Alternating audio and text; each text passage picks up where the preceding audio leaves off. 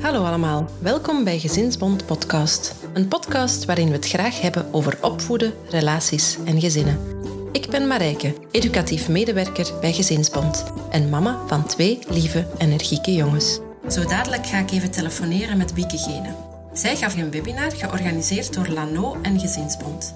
Dat ging over hoogsensitief ouderschap. In dat webinar had ze het over drie triggers die een hoogsensitief persoon uit balans kunnen brengen. En die al helemaal een hoogsensitief ouder uit balans kunnen brengen. Want ja, als je mama of papa wordt, dan voelt alles plots nog intenser aan, toch? We hebben vorige week een, een webinar georganiseerd samen met jou over hoogsensitief ouderschap. Kan je misschien nog kort eventjes vertellen welke triggers je maandag besproken hebt? Het zijn er negen die ik in mijn boek uh, beschrijf. En we hebben er drie aan bod laten komen. En als ik het juist heb, was dat onbegrip. Hè, dus je onbegrepen ja. voelen. Kritiek uh, krijgen van anderen, dat was onze focus vooral. En want kritiek gaat nog veel verder dan dat. Onze focus lag vooral op het uh, omgaan met kritiek van anderen. En dan, oh, je moet me even helpen. Ik weet het eigenlijk al niet meer. Uh, we hadden on, onbegrip, kritiek en... Nu moet ik zelf ook even denken. ah, ja, het is maar dat ik dagelijks daarmee bezig ben. En dat zijn er negen, dus die drie.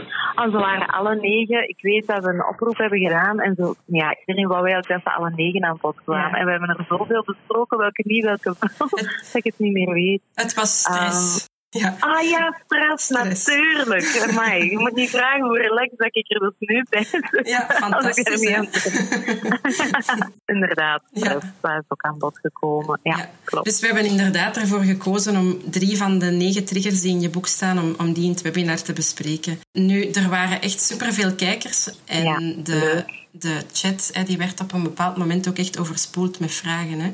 Um, mm -hmm. We hebben die niet allemaal kunnen beantwoorden. We hebben geprobeerd nee, die vragen te bundelen. En de bedoeling vandaag is dat we dan samen even naar een aantal van die vragen terug gaan kijken. Zo de, de veelgestelde vragen. Dus uh, ja. wat denk je? Gaan we eraan beginnen? Ja, ja, ja, shoot. Ja? Doe maar. Goed. Leuk. Ja. Um, goed, Bieke. Uh, er waren wel wat vragen van kijkers die zelf twijfelen of ze hoogsensitief zijn. Hoe kan je dat eigenlijk mm -hmm. weten, dat je hoogsensitief bent? Uh, hoogsensitief zijn uh, is geen diagnose. Dus uh, de manier waarop dat, dat onderzocht wordt, of dat je te weten kan komen of je al dan niet hoogsensitief bent, dat doe je gewoon aan de hand van een vragenlijst in te vullen. Dat is een vragenlijst die opgesteld is door Dr. Elaine Aaron, de mevrouw eigenlijk, de guru, de grondlegster van HSP. En zij heeft echt zoveel onderzoek gedaan naar hoogsensitiviteit en daar zijn bij elke hoogsensitieve persoon zijn er enkele zaken die aanwezig zijn. En daar op basis daarvan heeft zij een lijst gemaakt waar dat jij dan volgens je gevoel met ja of nee gaat antwoorden. Het is niet altijd een simpele lijst als je zelf nog zoekende bent in dat stukje, want de vragen zijn niet altijd even concreet. Dus als je daar een weg in zoekt, is dat wel handig om dat eventueel onder begeleiding van iemand dat in te vullen die daar iets van weet. Nu toch, stel dat je, dat je dat gewoon alleen doet. Want je kunt dat dus gewoon thuis opvragen. Op mijn website kunnen bijvoorbeeld ook opvragen, ah, ja. maar op verschillende plekken, ook in de boeken van Elaine Aaron staat bijvoorbeeld. Hè. Dus hij is, je kunt eraan, met andere woorden. Alleen is het niet altijd zo makkelijk om het... Ja, ook gewoon omdat hoe sensitieve mensen schrikken hebben dat ze het verkeerd doen. Hè. Ze zijn zo ja, ja. perfectionisten. Dat ze denken, ja, heb ik het nu wel goed gedaan? Meestal wel. Zo. Ik zeg altijd volgens je gevoel. Als je gevoel zegt, ja, dat herken ik, is het een ja. Dus die tip kan ik daar sowieso al wel bij geven. En wij als HRD-deskundigen kunnen bijvoorbeeld uit zo'n lijst afleiden op welke domeinen dat je dan hoogsensitief bent. Voor jouzelf ga je dan wel gewoon te weten komen of dat je hoogsensitief bent of niet. Want meer dan twaalf keer ja bijvoorbeeld geantwoord zou dan ja, wijzen op aanwezig zijn van dat kenmerk. Hoe hoger uw score, ja, hoe sterker uw hoogsensitiviteit gewoon in u zit en op hoe meer domeinen dat je hoogsensitief bent. Ah ja, oké. Okay. En dus je, je, kan echt op verschillende domeinen dan ja, hoogsensitief ja, zijn. Je kan ja. inderdaad uh, meer op dat fysieke, hè, dus iets wat bij de kinderen vaak terugkomt, zo ah, niet tegen etiketjes of naden kunnen. Je hebt het op het mentale vlak, dan ga je het heel sterk over ja, ja, constant in je stress schieten, altijd negatief denken, dat zit daar. Dan heb je ook nog de intuïtieve, het intuïtieve domein, waar heel sterk dat empathische in zit. En dat, ja, het, het, uh, hoe belangrijk dat, dat voor u is om, om keuzes te maken in uw leven die, die ook echt gewoon goed voelen. Dus dat, dat is dat domein. Hè. Ja. Dus het kan dus perfect zijn dat je denkt, oh ja, maar mijn kind is totaal niet gevoelig voor etiketjes en naden. Want dat is hetgeen Ja, meestal ja. gelijk loopt met, hè, ik ben hoogsensitief. En dat je dan denkt, ah, dus hij zal niet hoogsensitief zijn. Nee, dat hoeft dus niet. Dus het kan perfect zijn dat je nu wel een goede eter hebt, wel een kind hebt dat die, die naden kan, of hij er veel eh, van maakt, spel van maakt, zal ik maar zeggen. Maar dat dat bijvoorbeeld primo gevoelig is in het mentale domein. Hè. Dus dat piekeren, dat er echt gigantisch hard aan ja, ingepakt is, het precies Ja, bij dat kind. Hè. Dat moeilijk en dat complex denken. Dus dat kan allemaal. Dus daarmee, die vragenlijst geeft u een beeld. Nu wilde daar specifieker op ingaan en wilde ook na zo'n vragenlijst echt wel antwoorden hebben. Dan is het natuurlijk wel eh, belangrijk dat je de juiste hulp ook inschakelt. Hè, om u een beetje daarin op weg te zetten. U, ja, dat je, dat, je, ja, dat je de juiste antwoorden op krijgt. Maar het is wel een start. En je moet er bijvoorbeeld niet maandenlang of jarenlang voor op een wachtlijst gaan staan, omdat het ook geen problematiek of geen Ja. diagnose is. En- hè. Dus uh, wat anders wel is. Ja, Mhm. en, en waar, waar kunnen mensen dan terechtbieken als ze zo een, een HSP-coach of zo zoeken? Eh, ja, bij jou natuurlijk, maar allee, ik weet Ja. niet, als er, is daar een, een algemene platform voor of zo? Of, eh, wat ik altijd aanraad, eh, mensen die naar hier komen, die zich aanmelden, ja, die willen gewoon altijd wel hier zijn. Die vinden een weg naar hier. Eh, als het mensen zijn die te ver weg wonen en die vragen dan van, ja, hier in de geburen, ken jij hier een goede coach? Daar krijg ik niet op antwoorden. nee. Dan geef ik altijd de tip van, ga eens kijken op de website van HSP Vlaanderen. Volgens mij hebben die daar wel een soort van lijst. En dat zijn ook meestal mensen die op hun lijst staan, die ook bij hun de HSP-opleiding hebben gedaan. Dus daar gaat het dan wel terecht kunnen. En ja, verder, hè, Marijke, het is ook een klik hebben, hè. Dus dat is ook belangrijk. Dus iemand die misschien wel de skills heeft, maar waar het niet bij klikt bij uw kind of bij u. Ja, ja, ehm, absoluut. Ja, dat Zeker- kan ook meetellen. Zeker voor een hoogsensitief persoon wellicht, hè? Ja. Ja, inderdaad. Het is niet altijd gemakkelijk ook om die stap te zetten om hulp te zoeken. Omdat, oh ja, omdat dat is dan ook weer het type aan hoogsensitiviteit. De ene dag loopt eigenlijk alles wel heel vlotjes en dan de andere keer niet. En misschien op het moment dat je denkt, ja, ik moet er toch hulp bij zoeken, kom je weer in een periode terecht dat je een HSP minder opflakkert en voor minder problemen zorgt, waardoor dat je zegt van, ah, het is misschien toch niet meer nodig. Ja, Dus ik zie dat heel veel HSP'ers dat gaan uitstellen. Zeker hoogsensitieve ouders ook weer, omdat je ja, naar hun eigen toe, hè. Die zelfzorg is altijd een laag pitje, omdat dat kind gewoon altijd voorrang krijgt. ja. Maar ik ben nu een keer bezig aan dat online traject, waar ik het, eh, wat aan het einde van het webinar ook aan bod kwam. ja. Daar gaat ook bijvoorbeeld alles in te vinden zijn over dit soort dingen. Gewoon, wat is HSP? En dat is ja, veel verder dan enkel die negatief ja. in mensentaal. Want dat Ja. vind ik best wel een moeilijke in, in dit kenmerk. Het is allemaal wetenschappelijk bewezen. En die stukken zijn wel heel fijn als deskundigen om te lezen, maar ik vind dat best wel een confronterende en moeilijke taal voor mensen die in het begin staan van een zoektocht. Is dat niet altijd zo evident. Ja, Eh, ja, dat is ook dus ja. Ja, klopt. Ja. Ja. En dan is eigenlijk de, de stap naar een online traject is dan natuurlijk Ja. eh, iets kleiner dan naar echt een, een coaching. Ja, Ja. juist. Ik- Ja. Is alleen, het, ik heb het zo ontwikkeld dat, ja, ik heb eigenlijk constant mijn cliënten in gedachten. Dus, dus eh, net alsof ik tegen mijn cliënten aan het praten ben. Dus als ik hier in de praktijk zou vertellen, in een gewoon traject, tegen mensen die zich hebben aangemeld, ga ik nu ook videomateriaal zetten. Waardoor dat, ja, mensen dat op, op een toegankelijke manier kunnen doen. En ook gewoon omdat ik heel wat mensen heb van het Nederland die die vraag nu ook beginnen te stellen. Ja, en je- uw agenda, ik weet niet, maar de mijne telt maar zeven dagen en 24 uur. Dus eh, per dag. Dus ik heb zoiets moeten gaan ontwikkelen om iedereen daar wel wat te kunnen helpen, mocht je daar vragen bij hebben. Ja, Maar er zijn goede coaches genoeg, daar ben ik van overtuigd. oké, super. Mhm. Er was ook een, een mama die aangaf, ze zegt van, ik, ik weet eigenlijk niet of ik hoogsensitief ben, maar sinds ik mama geworden ben, herken ik mezelf niet meer. Zij zegt ook van, ik ben al iets ouder en, en, en mijn kindje ook al iets groter. Vaak denk ik dat het voor mij misschien te laat is om nog iets te veranderen. Of ik weet niet hoe, ik iets aan mezelf moet veranderen. Ehm, Mhm. Dus eigenlijk vraagt ze van, ja, is het op, op latere leeftijd te laat om nog iets aan uw gedrag of uw Nee. patronen te veranderen? Eh, en ze voelt zelf wel aan van, ik, ik zou iets moeten doen, ook om mijn zoon te helpen, maar het is gewoon te veel allemaal.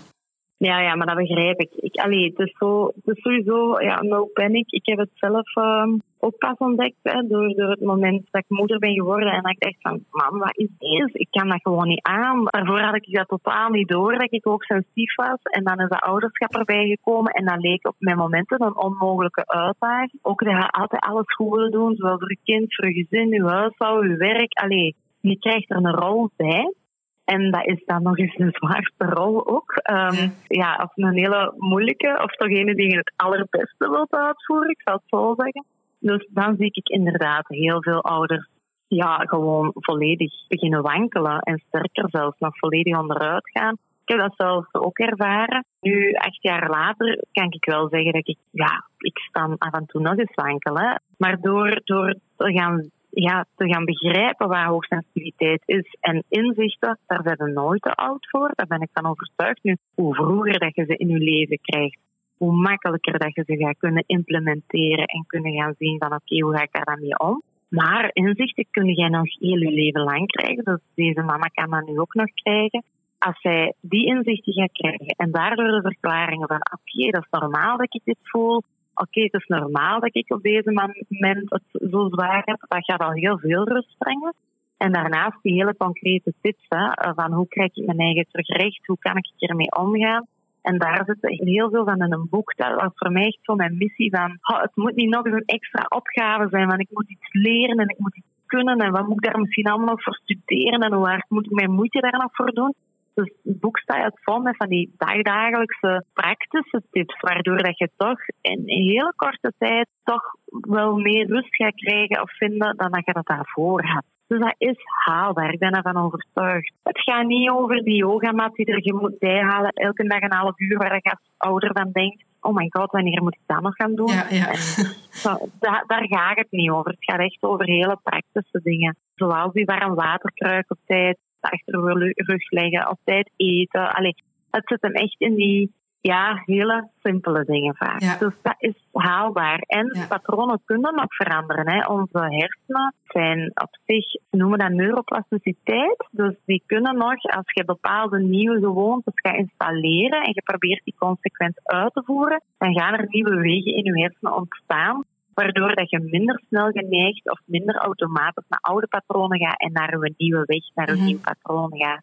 Dat vraagt wel even tijd natuurlijk, ja, maar dat kan. Dat kan zij, zij vraagt ook, zij vraagt ook, Bieke, hoeveel tijd dat jij nodig gehad hebt om terug in, om jezelf in balans te, te krijgen.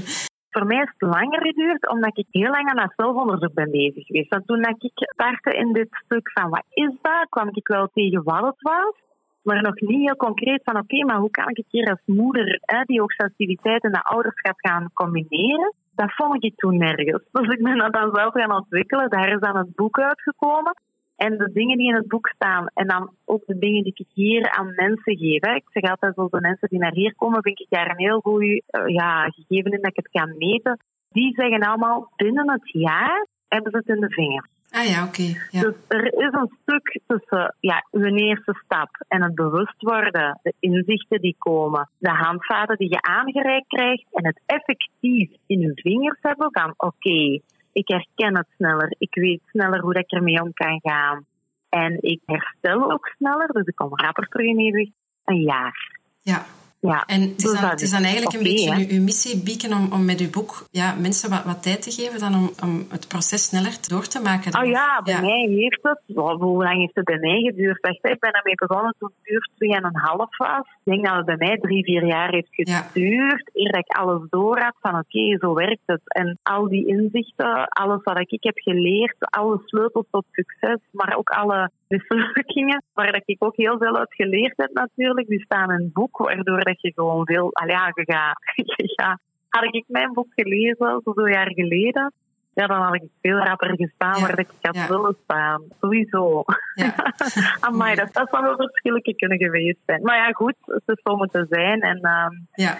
Dus ja, het is ook niet abnormaal als je, er, als je er langer over doet dan, natuurlijk. Oh ja, zeker niet. Nee, nee, nee. Ik denk dat ik daarin zelf een mooi voorbeeld ja. ben. Dat ik daar een pak langer in vast uh, gezeten heb of in gestukkeld heb. Maar groeien is knoeien, hè? Ja, ja, ja. Allee, dat is ook zo. Sowieso, hè. De ene dag gaat dat keigoed en dan denk je, yes, ik ben er. En de volgende dag gaat het keihard met je bekken stedenmuren. Ja, en ja. dat is prima. Ja. Dat is keigoed. dat mag ook. je, je, je zei daarnet al iets over die yogamat, hè. Er waren een aantal vragen die over zelfzorg gingen ook. Mm Ja bijvoorbeeld een, een, ouder die, die aangeeft dat het zwaar is, zeker momenteel, als de kinderen niet af en toe terecht kunnen bij familie of vrienden, dat het dan moeilijk wordt om de batterijen op te laden en die er eigenlijk wat tips rond vraagt. Ja, dat is ook nu hè, zo enorm. Ze kunnen ze eens niet even naar een vriendje doen of naar de grootouders zelfs niet. Ik weet het, het is een beproeving. Ik, ik merk dat hier ook. Hè.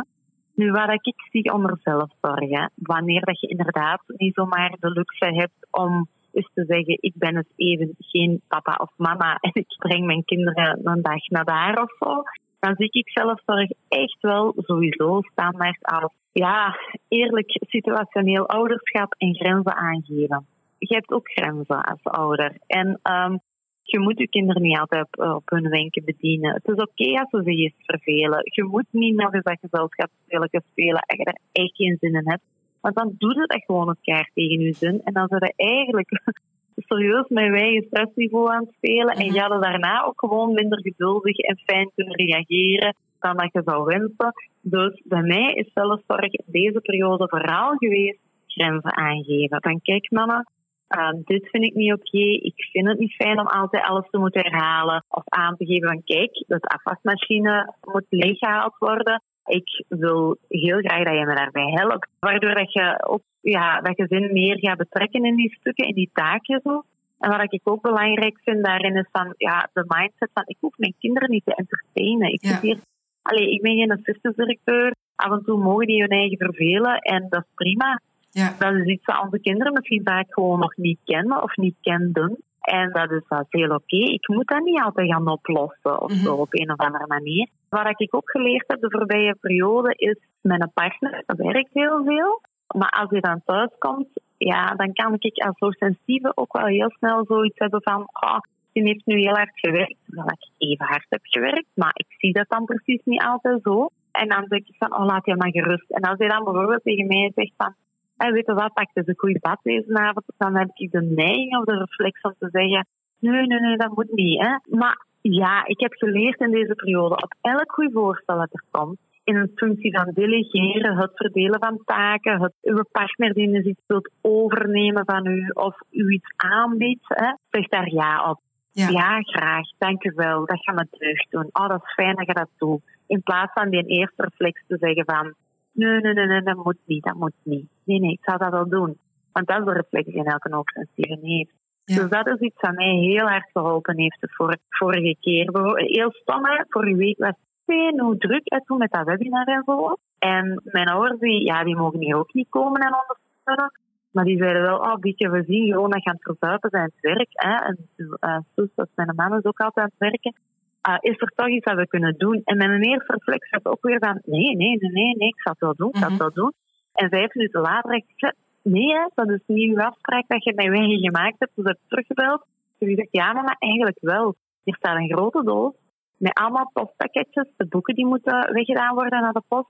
Is dat oké als ik die aan de deur klaarzet en dat je die even komt ophalen? Want voor mij gaat dat een uur schillen en in dat uur kan ik echt wel, ja, dat is voor mij een gewone tijd. Dus ik heb dat wel geleerd, toch te zoeken waar hulp geboden krijgt te zien en ook te aanvaarden. Dat is voor mij een proces geweest. En ik vind dat dat ook onder zelfzorg hoort. Uh, waar dat je nu iets mee hebt. Hè? Ja, ja, ja, absoluut. Je zei ook van eh, de, de, grenzen aangeven aan, aan je kinderen en, en zeggen van en nu heb ik geen zin om dat spelletje te spelen bijvoorbeeld. Ik denk dat dat, mm ik kan mij voorstellen dat dat voor veel ouders wel een moeilijk stuk is. Hè, omdat je hè, probeert die verbinding met je kind op te zoeken ook een stuk. En dat evenwicht dan hè, tussen ehm, voor jezelf zorgen of je eigen grenzen bewaken en toch voldoende er, er zijn voor, voor de kinderen. Mhm. Ik denk dat dat toch wel iets is waar, waar ouders mee, mee worstelen ook soms. Ja, maar ik denk dat je prima uh, in dat stukje wel kunt kijken wat je wel kunt. Bijvoorbeeld als ze hier komen vragen voor, een, voor en ze komen hier met op spel af, waar ik echt waar, ik doe dat ook niet graag, hè, gezelschapsspelen spelen. Ja. En ze komen dan af met iets, dan zeg ik nee, maar echt waar, dat niet. Ik wil wel een spelletje spelen, maar dan wil ik het zelf kunnen kiezen. En ik ga er drie uitkiezen waar ik dan zeg, oké, dat wil ik wel doen. En dan kunnen jullie daar nog uit kiezen. ah, dit spel wil ik gewoon niet spelen. Dat, Mhm. dat, daar word ik niet gelukkiger van. En dat gaat aan mij werken. Uh, en dan is dat voor hun oké. Of dikwijls dat ik zeg van, oh nee, maar echt niet, dat, dat gaat niet. Of dat, dat, ik, nee, dat, dat, ik heb daar nu echt gewoon geen zin in. Uh, waar ik wel zin in heb, is gewoon, ja, weet je wel, laten we samen wat knuffelen. Of uh, laten we samen in bad gaan. Of weet ik veel. Dat je, je kunt verbinden, maar ik vind dat je prima daarin ook wel je eigen keuzemogelijkheden ook naar voren kunt schuiven. Ja, Uh, van kijk, ja. dit niet, dit is echt waar, dit gaat mij eigenlijk meer kosten dan dat ik er zelf ook iets aan heb. En je kunt verbinden dan, of ja, op een heel andere manier, waar je dan zegt, laten we samen koekjes bakken. Weet je wat, ik moet koken. Zullen we, zullen we eens een gerecht maken dat we samen kunnen maken? En dan wel met twee, jij mag de muziek kiezen. Hè? Ja. Dat is wel leuk. Zo, op die manier. Maar dan zit je toch niet met dat stom gezelschapsspelletje opgezadeld dat je gewoon helemaal niet graag wilt doen. Mhm. Uh, want ja, dat kost u veel energie hoor. Je mocht pleasen hè, en je mocht verbinden. Alleen mogen daarin ook nog wel een stuk ja, op zoek gaan naar ja, what's in it for me ook nog. Ja. Um, hè, want dan ga je ook de leukere ouder kunnen blijven die je zou willen blijven. Tegenover dat je altijd alles tegen je goesting doet. Ja, eigenlijk een Ehm, stukje samen met de kinderen op zoek gaan naar iets dat, dat voor allemaal werkt dan. Ja, dat Ja. voor allebei werkt. En in dat stukje, ik weet niet of dat dan nog aan bod komt of zo, maar wat hier ook altijd ja, helpt, is bijvoorbeeld wel een stukje samen doen en daarna ook een stukje alleen. Ik vind het ook belangrijk dat ze leren ook alleen te spelen. Want ja, dat is ook heel fijn. Daar komen ze ook hele creatieve dingen tot ontdekking. Ja, dat constant afhankelijk zijn van mama of papa, dat, ja, dat probeer ik ook wel, ja, probeer ik mij ook wel van bewust te zijn dat ik dat ook niet ga installeren door altijd maar ja, te springen wanneer dat ze zeggen ik wil dit doen. Ah ja, oké, we doen dat. Ik vind het ook wel belangrijk dat die ja, dat ik hier ook wel gewoon mijn authentieke zelf mag zijn. Ja, Uh, ja. Want dat is iets dat ik bij hun ook promoot. Dus Ja. uh, dan ben ik daar best ook een voorbeeld in. Ja, dat is mooi. Ja. Er waren ook een aantal alleenstaande ouders die gekeken hebben, Mhm. En die, ja, die vragen van, ja, hoe is het dan als hoogsensitief ouder? Hoe kan je dan eigenlijk Ja. die nodige rustmomenten inbouwen? Hè? Dus dan, dan, als je er echt alleen voor staat. Ja, dat is lastig. Ik ben zelf eh, nog altijd gelukkig getrouwd. Maar mijn man is bijvoorbeeld heel lang militair geweest. Veel op missie. Dus in de eerste jaren, ik denk dat dat Frans zelfs vijf jaar was, of vier, jaar, was zijn acht maanden per jaar was hij weg. Dus, zo, dat je inderdaad je kinderen eens niet even in de armen van een partner kunt steken, dat is mij niet vreemd. Alleen verveel, mijn partner kwam altijd wel terug. Ik besef dat maar al te goed hoe zwaar dat, dat kan zijn. Nu, wat ik daarin voorstel, is dat je echt eens in je omgeving kijkt bij wie dat je eens kunt ventileren. En momenteel zou dat vooral zijn door buiten met die persoon eens te gaan wandelen, zolang je dat dan ook mag. Of door, um, ja, op het moment dat je kind toch nog naar school gaat, dus morgen, hè, of dat je belt of freestaat of weet ik veel. Maar vooral dat je iemand kiest waarbij dat je dat kunt waarin dat je geen schuldgevoel krijgt om, om eens te klagen, eens te zagen, om te ventileren. En ook nog belangrijk dat dat iemand is die niet direct of wil gaan of gaan adviseren of gaan minimaliseren. Of ja, ja, in ieder geval iemand die gewoon even luistert. En ik vind dat ook nog belangrijk misschien om mee te geven. Als je iemand denkt te hebben in je omgeving, een moeder, een vriendin, een ouder gaan aan een schoolpoort die kent, die in dezelfde situatie bijvoorbeeld zit, ga vooral op dat moment, als je het echt nodig hebt, in, in de inleiding van een gesprek zeggen van, heb jij nu tijd voor mij? En kijk, ik ga gewoon eens even zagen, gewoon omdat dat nodig is. Ik ga met deugd doen. Ik heb van u geen oplossing nodig. Ik heb van u geen advies nodig. Ik heb van u eigenlijk ook geen hulp nodig. Alle hulp en heel de oplossing zitten vooral in het feit dat ik deze een half uur mag. Mhm. En ik zet gewoon zelf een timer op, want anders word ik mijn eigen zaak misschien ook beu. Maar ik ga gewoon zeggen, als dat mag, een half uur gewoon eens zeggen hoe lastig en hoe zwaar het allemaal is, zodat het eruit kan gaan. Ja, En ik denk dat dat een hele, allez, een hele belangrijke daarin is. Maar het is soms wel schaamtevol om iemand te zoeken, hè, want we proberen heel lang geforceerd ja, de schijn hoog te houden dat alles wel haalbaar is en alles goed gaat. En dat heeft niet zo mee te maken dat we ons daar voor schamen, maar wel omdat we schrik hebben dat we het ander daarmee gaan lastigvallen. ja, Dus hè, dat heeft daar heel vaak mee te maken. En toch ben ik er zeker van. Hè, de mensen die u echt graag zien, dat die liever zouden hebben dat je het wel zou vragen, dan dat je in hun plaats gaat beslissen van nee, ik ga dat niet doen, want ik ga daar iemand mee lastigvallen. Want hoe vaak gaan we anders achteraf niet te horen krijgen van waarom heb je toen niet gebeld? Ik had toch zo willen luisteren naar u. Ja, en inderdaad. Ja. Klopt, dus, En je kunt het altijd vragen. Hè? Dan komt het aan of wanneer komt het aan. Of kijk, ik heb hier nood aan. Doe je dat zitten om het gewoon een half uur naar mijn gezaag te luisteren? Dat gaat mij zoveel opleveren. En dan kan die persoon nog altijd zeggen van, oh ja, dat, ik wil dat wel, alleen nu niet, want ik zit zelf met de kinderen of bla bla. Allee, ja. Mhm. Dan kunnen dat, dan overvalde daar ook niemand mee natuurlijk. Een hele belangrijke daarin, en dat is niet alleen voor alleenstaande ouders, maar voor alle hoogsensitieve ouders, altijd en stond eten. Eten is iets waardoor dat we beter met de prikkels kunnen omgaan. Als we genoeg gegeten hebben en genoeg gedronken, en ik bedoel niet met hoeveelheden, maar regelmatig, op regelmatige tijdstippen, gaan we veel beter onze rationele brein kunnen aanspreken dan dat we dat niet doen. Ja. Anders gaan we echt heel snel naar het emotionele en naar het irrationele. Dus eten, eten, eten. En in plaats zou ik zeggen, dat is hier ook, dus niet alleen voor alleenstaande mensen, maar uh, ook voor ouders die ik alleen opdraaien voor de zorg overdag. Een headphone met noise cancelling. Dat is echt ja. mijn lifesaver geweest. Dat is de uh, tip, denk maanden, ik. Denk ja. Ja, ja, klopt. Ja. Voilà. We hebben, het, we hebben het al een paar keer over uw partner ook gehad, Wieke. En je vertelt in, in je verhaal altijd zo mooi hè, hoe dat hij een, een, rustpunt kan zijn. Hè. Mhm. Er was ook een, een, mama, denk ik, die, die vroeg van... Ja, ik ben zelf, denk ik, hoogsensitief. Ik denk dat mijn, mhm. mijn partner ook hoogsensitief is. Hè. Wat, wat, moet je dan doen? Hè? Het lijkt daar moeilijk om ja, die mhm. rust te vinden bij elkaar of om elkaar te stabiliseren. Ja, het is zo een hele grote vraag die elke keer ook in de praktijk terugkomt. Van, is het nu het beste om een relatie aan te gaan met een hoogsensitieve of een niet-hoogsensitieve? Ik kan daar geen antwoord op geven, sowieso niet. Ik denk dat heel veel te maken heeft met begrijpen. Ja. En mijn partner is niet hoogsensitief, maar heeft wel hoogsensitiviteit leren kennen en is in dat verhaal meegegaan. In de zin van, oké, ik merk dat er hier een duidelijke verklaring is voor de manier waarop jullie denken en voelen. En ik heb daar respect voor en ik wil daar rekening mee houden. Hè? En dat kan alleen vanuit het begrijpen. Dus het openstaan voor wat is het, hè? geeft u zelf de toelating of de grotere kans om daar ook respect voor te hebben.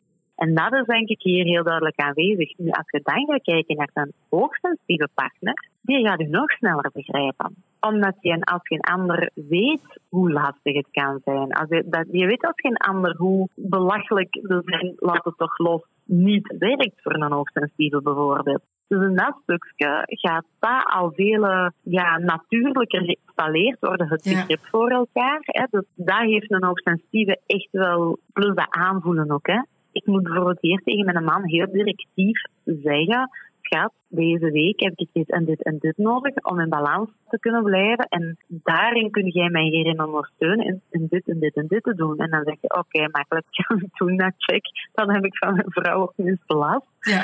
Uh, maar een hoogsensitieve partner, daar gaat je dat daarna niet tegen moeten zeggen. Die gaat heel erg veel aanvoelen. Dus ja, heeft voor- en nadelen, zal ik maar zeggen. Hè. Nu, het belangrijkste is daarin dat je, als je allebei hoogsensitief bent, bijvoorbeeld mijn man die niet hoogsensitief is, die is gewoon mijn rustpunt. Waarom? Omdat hij gewoon over alles gerust is. Ja. Op een of andere idiote manier. Die zal ook altijd zeggen, alles komt goed, schatje, alles komt goed. En op een of andere manier is dat ook wel. Alleen in mijn hoofd is dat zo niet. In mijn hoofd is dat niet, nee, dit en dat. Dus daardoor is hij denk ik gewoon met een rust, omdat je ook gewoon altijd zo de eeuwige geruststelling uh, kan bieden. Nu, als twee hoogsensitieven bij elkaar, die kunnen elkaar daarin, daarin opjutten. Hè? Zo van, oh nee, inderdaad, dat komt niet goed. En uiteindelijk zitten allebei met scenario's tegen elkaar op te gaan.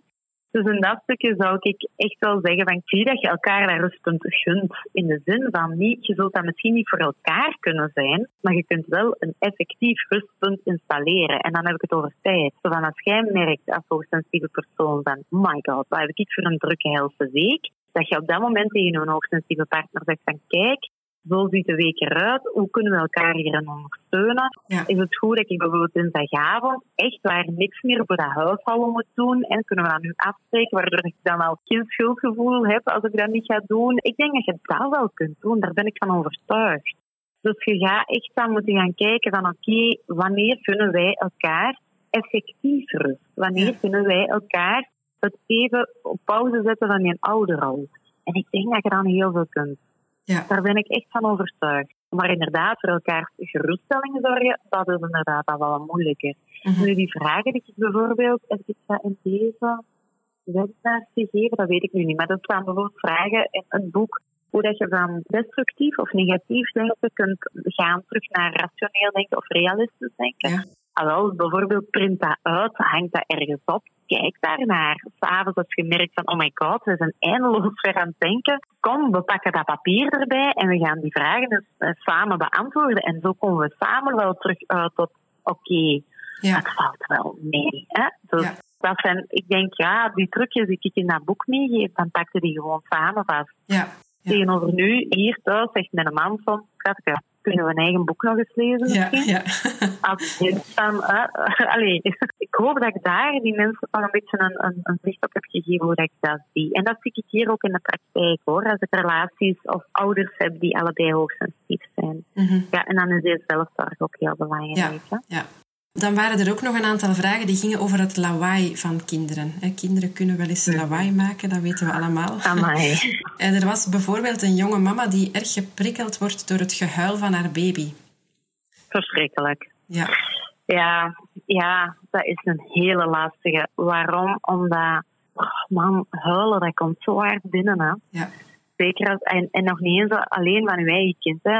Als ik ergens kom en een kind begint te krijgen, dat gaat, ik weet dat niet, dat, dat gaat tot, oh, dan trillen mijn oren precies, zelfs van binnen zo. Hè. Ja. Ik kan dat niet goed omschrijven, maar dat heeft echt effect op mij. Dus ja, ik heb dat ook enorm gehad toen uh, Tuur was een huilbaby. Dus uh, als ik nu een kind door huilen, dat, dat, ik denk dat ik gewoon flits naartoe Ja. of zo. Dat is een hele lastige. En nu nog, maar ik ben daar sowieso zeer gevoelig aan het hoogsensitieve. Geluid, lawaai, sirenes, noem maar op. Ik vind dat heel vervelend. Ik word ook van alles direct wakker en zo. Dus ja, op dat fysieke stuk zit ik daarin ook wel echt een stuk los dat hoogsensitieve. Nu, in dat stuk is echt gewoon letterlijk u bij helpen met concrete dingen. Namelijk, bijvoorbeeld, hier ben ik weer, hè, met oorstopjes of een headphone. Ja. Wanneer dat je bijvoorbeeld je baby aan het troosten bent. Je bent je baby aan het troosten, maar had ik dat toen allemaal al doorgehad? Want je baby pakt ook al je stress mee over. Hè? Ja, ja, dus als jij zelf in de stress gaat terwijl dat jij je kind niet gesust krijgt, zoals dat je wilt, ja, dan gaat je stress ook voelen, zeker als dat een hoogsensitieve zou zijn, en gaat blijven wenen. Dus het is best nog wel belangrijk om toch een soort van buffertje qua geluid in te kunnen scheppen, waardoor het wat minder diep binnenkomt. En wat mij toen hielp, maar ik zou dat dan nu met een headphone om doen, maar wat mij toen hielp, was bijvoorbeeld ja, altijd dezelfde cd opzetten waar dat ik heel rustig van werd. Ja. En waardoor dat ik een afleiding van geluid had. Ja. Nu was een ging daar vlotjes over, hè? maar eh, toch, allee, dat was een soort van afleiding. Waardoor dat ik niet enkel het geluid nog hoorde. En heel vaak was dat zo'n melige cd, die zowel wat rustig was, dan dat ik ook de kans had om mee te janken. Ja, ja. dat is ook wel heel erg op een of andere manier. Ik weet nog goed welke cd dat, dat was. Nu wil ik hem gewoon niet meer opzetten. toen nog. Maar ik zou ook die headphone gebruiken. En ook voor lawaaierige kinderen als ze ouder zijn. Ik werk daar hier. Als mijn kinderen echt zo in een decibelzone zitten waar ik dan zeg, oh my god, ik kan dit echt niet aan. En ik moet dan nog eens onder de daamkap staan omdat ik aan het koken ben. Dan is dat ding, dat staat mijn kop. En uh, dat is noise cancelling. En Ja. dat is echt, ja, dan... uh, ja, dat is mijn stukje geluk en dat is mijn stukje zelfzorg. En. Daar zijn duidelijke afspraken rond gemaakt. Ze weten dat wanneer ik dat altijd heb. Ze weten dat dat dan een moment is dat ik voor mij nodig heb en dat ze mij wel mogen storen op het moment dat het echt, echt nodig is. Maar daarom zijn ze ook aan het groeien van oké, mama is bereikbaar, maar tot hoever kunnen wij zelf ook af en toe wel dingen oplossen. Mhm. Dus dat vind ik ook wel een hele belangrijke. Ja. Er was ook een vraag van iemand die zegt van ja, bepaalde geluiden, het gaat dan eh, terug over geluiden, vind ik echt niet fijn of kan ik echt niet zo goed tegen. Bijvoorbeeld het tikken van de klok. Maar als, Ah, ik, dat, ja. als ik dat zeg tegen mensen, dan ja, negeren die dat of die, ja, die, die vinden dat een beetje, die aanvaarden dat niet, die vinden dat misschien een beetje belachelijk. Hoe kan ik daarmee omgaan? Nee, het is niet belachelijk. Het is echt een gigantische stoorzender op dat punt. Echt waar. Als dat voor u zo werkt dat dat irritant is, dan moet je dat niet, je gaat dat niet proberen te negeren. Dat gaat gewoon niet lukken. Daar gaat alleen nog maar meer energie aan kwijtraken. Dan haalde de batterij eruit. Ja. Je zet een plantje of je legt wat boeken voor, voor de tv waar nog een blauw lichtje bij brandt. Het licht van de gang die de spleet van de deur eh, komt. Gewoon echt waar een andere van zegt van, oh my god, allee, dat ziet Mhm. toch niet. Jij gaat als hoogsensitieve dat wel gezien hebben, leg daar een handdoek voor. Allee, doe daar gewoon Ja. iets mee. Als je niet tegen klokken kunt, haal ze uit je huis, vervang ze door andere soort klokken, of haal de batterijen eruit s'nachts. Ja, allee, ja, heel concreet. Gewoon doen. En als je Eh, nu, als je nu op bezoek bent bij iemand, Bieke, die, die zo'n tikkende klok heeft, Ja, hoe kan je- hoe kan je daar dan mee omgaan?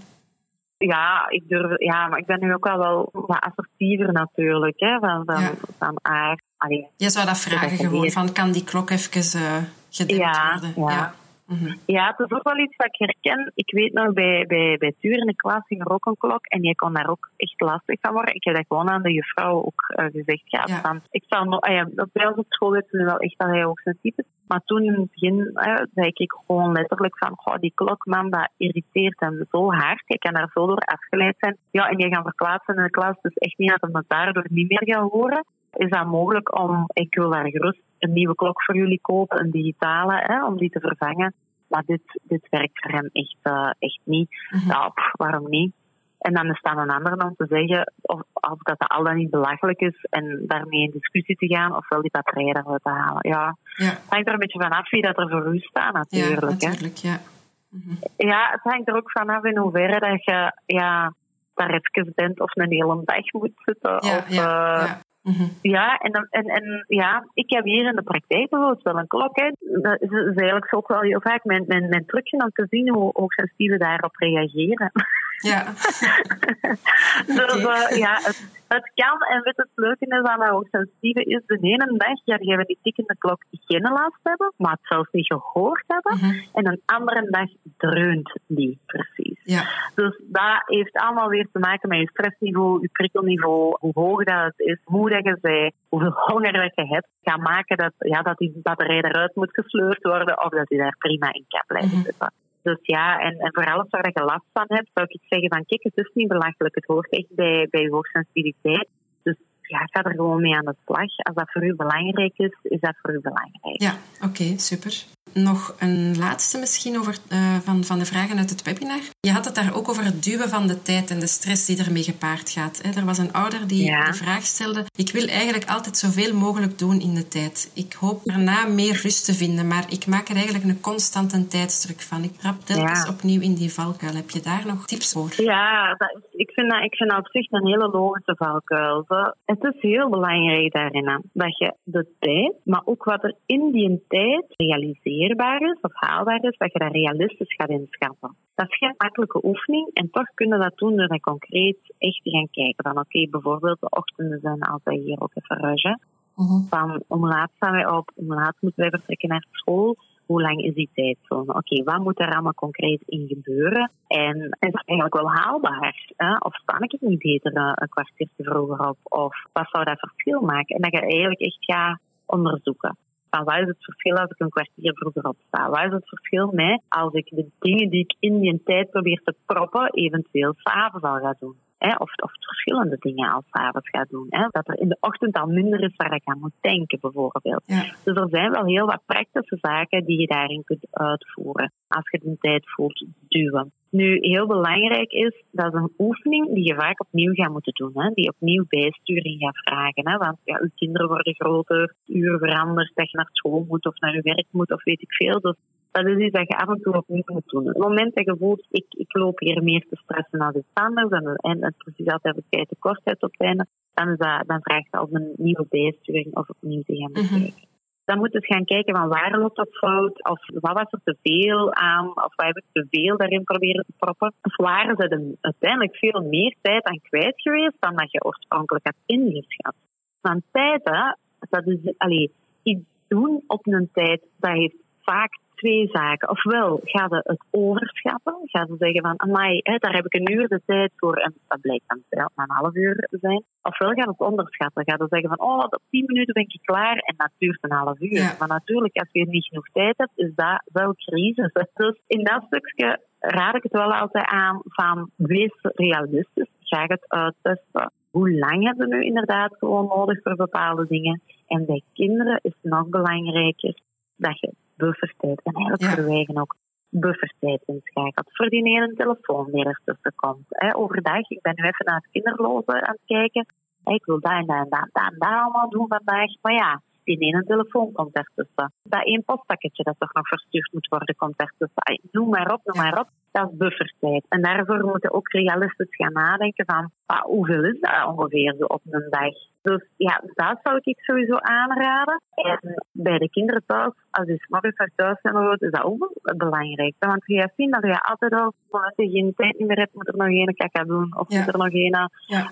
uh, vindt een boeken thuis niet. Deze morgen van de duur zijn jas niet. Ja, kijk, als dan de de tijd zit te duren, dan begin je ook al rap te roepen van, allee, waarom heb jij dit niet gewoon een kapstok gaan? Allee, dat is wel moeilijk, hè? dan hadden we het toch weten. Allee.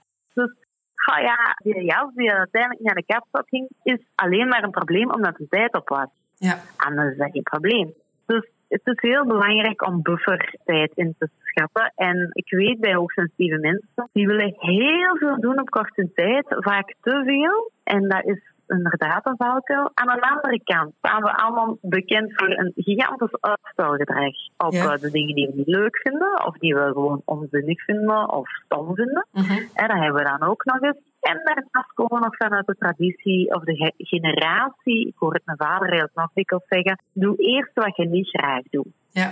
En dan doe je de rest maar. Hè. Kijk, dat werkt voor een hoogsensitieve juist andersom. Doe eerst wat je het leukste vindt. en dat gaat je energie geven om daarna de rest van te doen. Ja. Tegenover dat je eerst kiest voor het taakje of, of hetgeen dat je echt niet leuk vindt, dan ja, is het eigenlijk al een beetje omzeep. Dan gaat het beginnen treuzelen en uitstellen. En ja, dan is er een tijd ook snel op natuurlijk. Ja. Dus in mijn ideale setting morgens, en ik, ik, vandaag heb ik het goed gedaan, andere dagen heb ik het niet goed gedaan, is gewoon een half uur vroeger mijn wekker opzetten. Zodat ik eerst start met wat ik leuk vind. En dat is koffie drinken. Ja. In een stil huis. Wanneer dat er nog niemand naast mij staat of aan mijn arm te trekken, dat is voor mij, ja, dat is, en dan kan ik de rest veel beter versteren, precies. Ja, uh, dus um, ja, zijn van, ja, ik zeg het, het sluit helemaal aan, denk ik, bij de vraag waar we bij gestart zijn. Namelijk het zitten in kleine dingen die echt grote verschillen kunnen mhm. maken. Daar ben ik echt van overtuigd. Waardoor dat je niet nog eens iets hebt van, oei, moet ik hier dan ook nog eens tijd voor gaan maken. Nee, we krijgen dat daar wel in uh, gestoken, zonder dat we precies nog meer ballen in de lucht moeten houden. Maar gewoon je kunt er heel praktisch mee aan de slag gaan. En als je rekening mee houdt, kun je echt ver geraken. Daar ben ik echt van overtuigd. Ja. Maar ik ben er even goed van overtuigd, maar Rijken wel ook al weten alles, dat het soms nog wel zo toe in Ja, ja. ja, ja, wellicht wel, absoluut. Ik flip hier ook nog wel eens. Ja. ja, zoals mensen die hier deze morgen voorbij zijn gekomen, hebben zeker gehoord dat ja, niet aan de kap ja. bijvoorbeeld. Okay. De tijd was aan het uh, duwen. Voilà, inderdaad. Ja. Nee, nee, nee ik ben ook maar gewoon mama. Hè? Ja, ja, ja absoluut. Amai, dank je wel, Bieken, om, uh, om, om al die vragen nog eens uh, met ons door te nemen en er verder op in te gaan. We hebben mhm. eigenlijk zelf nog één laatste vraag voor jou. Mhm. Vanuit Gezinsbond zijn wij momenteel toekomstwensen voor gezinnen aan het verzamelen. Ja. Dus wij zouden graag willen weten wat jou prikkelt, wat jou boeit, waar je van wakker ligt of wat jij wenst voor de toekomst. Kortom, welke wens heb jij voor gezinnen? Durf voor verbinding te gaan. Ik denk dat, dat, dat is al belangrijk. En dan heb ik het niet zozeer over nog meer samen thuis in één kop zitten, maar gewoon over, uh, over het voelen, over het aanvoelen en het uh, durven luisteren naar uw intuïtie. Mhm. Als het over elkaar gaat. Hè. Voelen wat heb je nodig en wat heb ik ook nodig. En wat is goed voor mij, wat is goed voor mijn gezin, voor de kinderen. En daarin u vooral mee aan de wijs laten brengen door de goed bedoelde adviezen. En soms kunnen die goed bedoelde tussen haakjes zetten. En soms is het niet goed bedoeld. Maar vooral de adviezen die niet bij u passen. Laat, laat u daar niet door de wijs brengen. Het is echt heel sterk als je durft te voelen van wat je wel nodig hebt. En dat kan afwijken van wat anderen nodig hebben. En dat is prima. Ja. Uh, en verder zou ik echt nog willen afsluiten met dat je echt wel nog een keigoede papa of mama zij. Als, u, als je toe toch het gevoel hebt dat je kinderen eens achter de hang zou willen plakken. Of als je toch eens je geduld verliest. Hè. Dat, is, dat maakt u een ouder gewoon. Dat maakt dat is het bewijs dat je papa of mama bent. Ja. En dat je kinderen hebt. Punt. Daar ben ik eigenlijk heel erg van overtuigd. Dus um, ja, wat minder schuldgevoel misschien. En dat, dat, ik denk dat dat wel een hele schone zou zijn voor veel mensen. Uh, zeker voor degenen waar het niet bij nodig is, dat schuldgevoel. Als je effectief iets fout hebt gedaan, ja, dan is het heel oké om daar sorry over te zeggen. Maar uh, heel vaak is dat niet nodig. En kun je best overtuigd zijn van jezelf dat je het naar eer en geweten zo goed mogelijk doet en heel hard je best doet. Daar ben ik van overtuigd. Ja. Dus geef jezelf wat meer krediet. Ja, ik denk dat dat mooie wensen zijn om, uh, om mee af te sluiten. Hè. Mm -hmm. Bieke, echt super hard bedankt voor, voor alles wat we geleerd hebben van jou. En uh, ja, misschien, mm -hmm. misschien tot nog eens. Hè? Ja, wie weet. Dat is graag gedaan. Dit was het weer voor vandaag. Wil je in de toekomst nog meer van deze podcast beluisteren? Abonneer je dan in je favoriete podcast-app en mis geen enkele aflevering van Gezinsbond Podcast. Laat ons weten wat je ervan vindt via een recensie in je favoriete podcast-app of stuur een mail naar podcast.gezinsbond.be. Wil je op de hoogte blijven van de laatste updates? Volg ons dan op Facebook en Instagram. Zin om nog wat meer te lezen? Neem dan een kijkje op goedgezind.be. Zo, iedereen thuis? Bedankt om te luisteren en tot de volgende keer.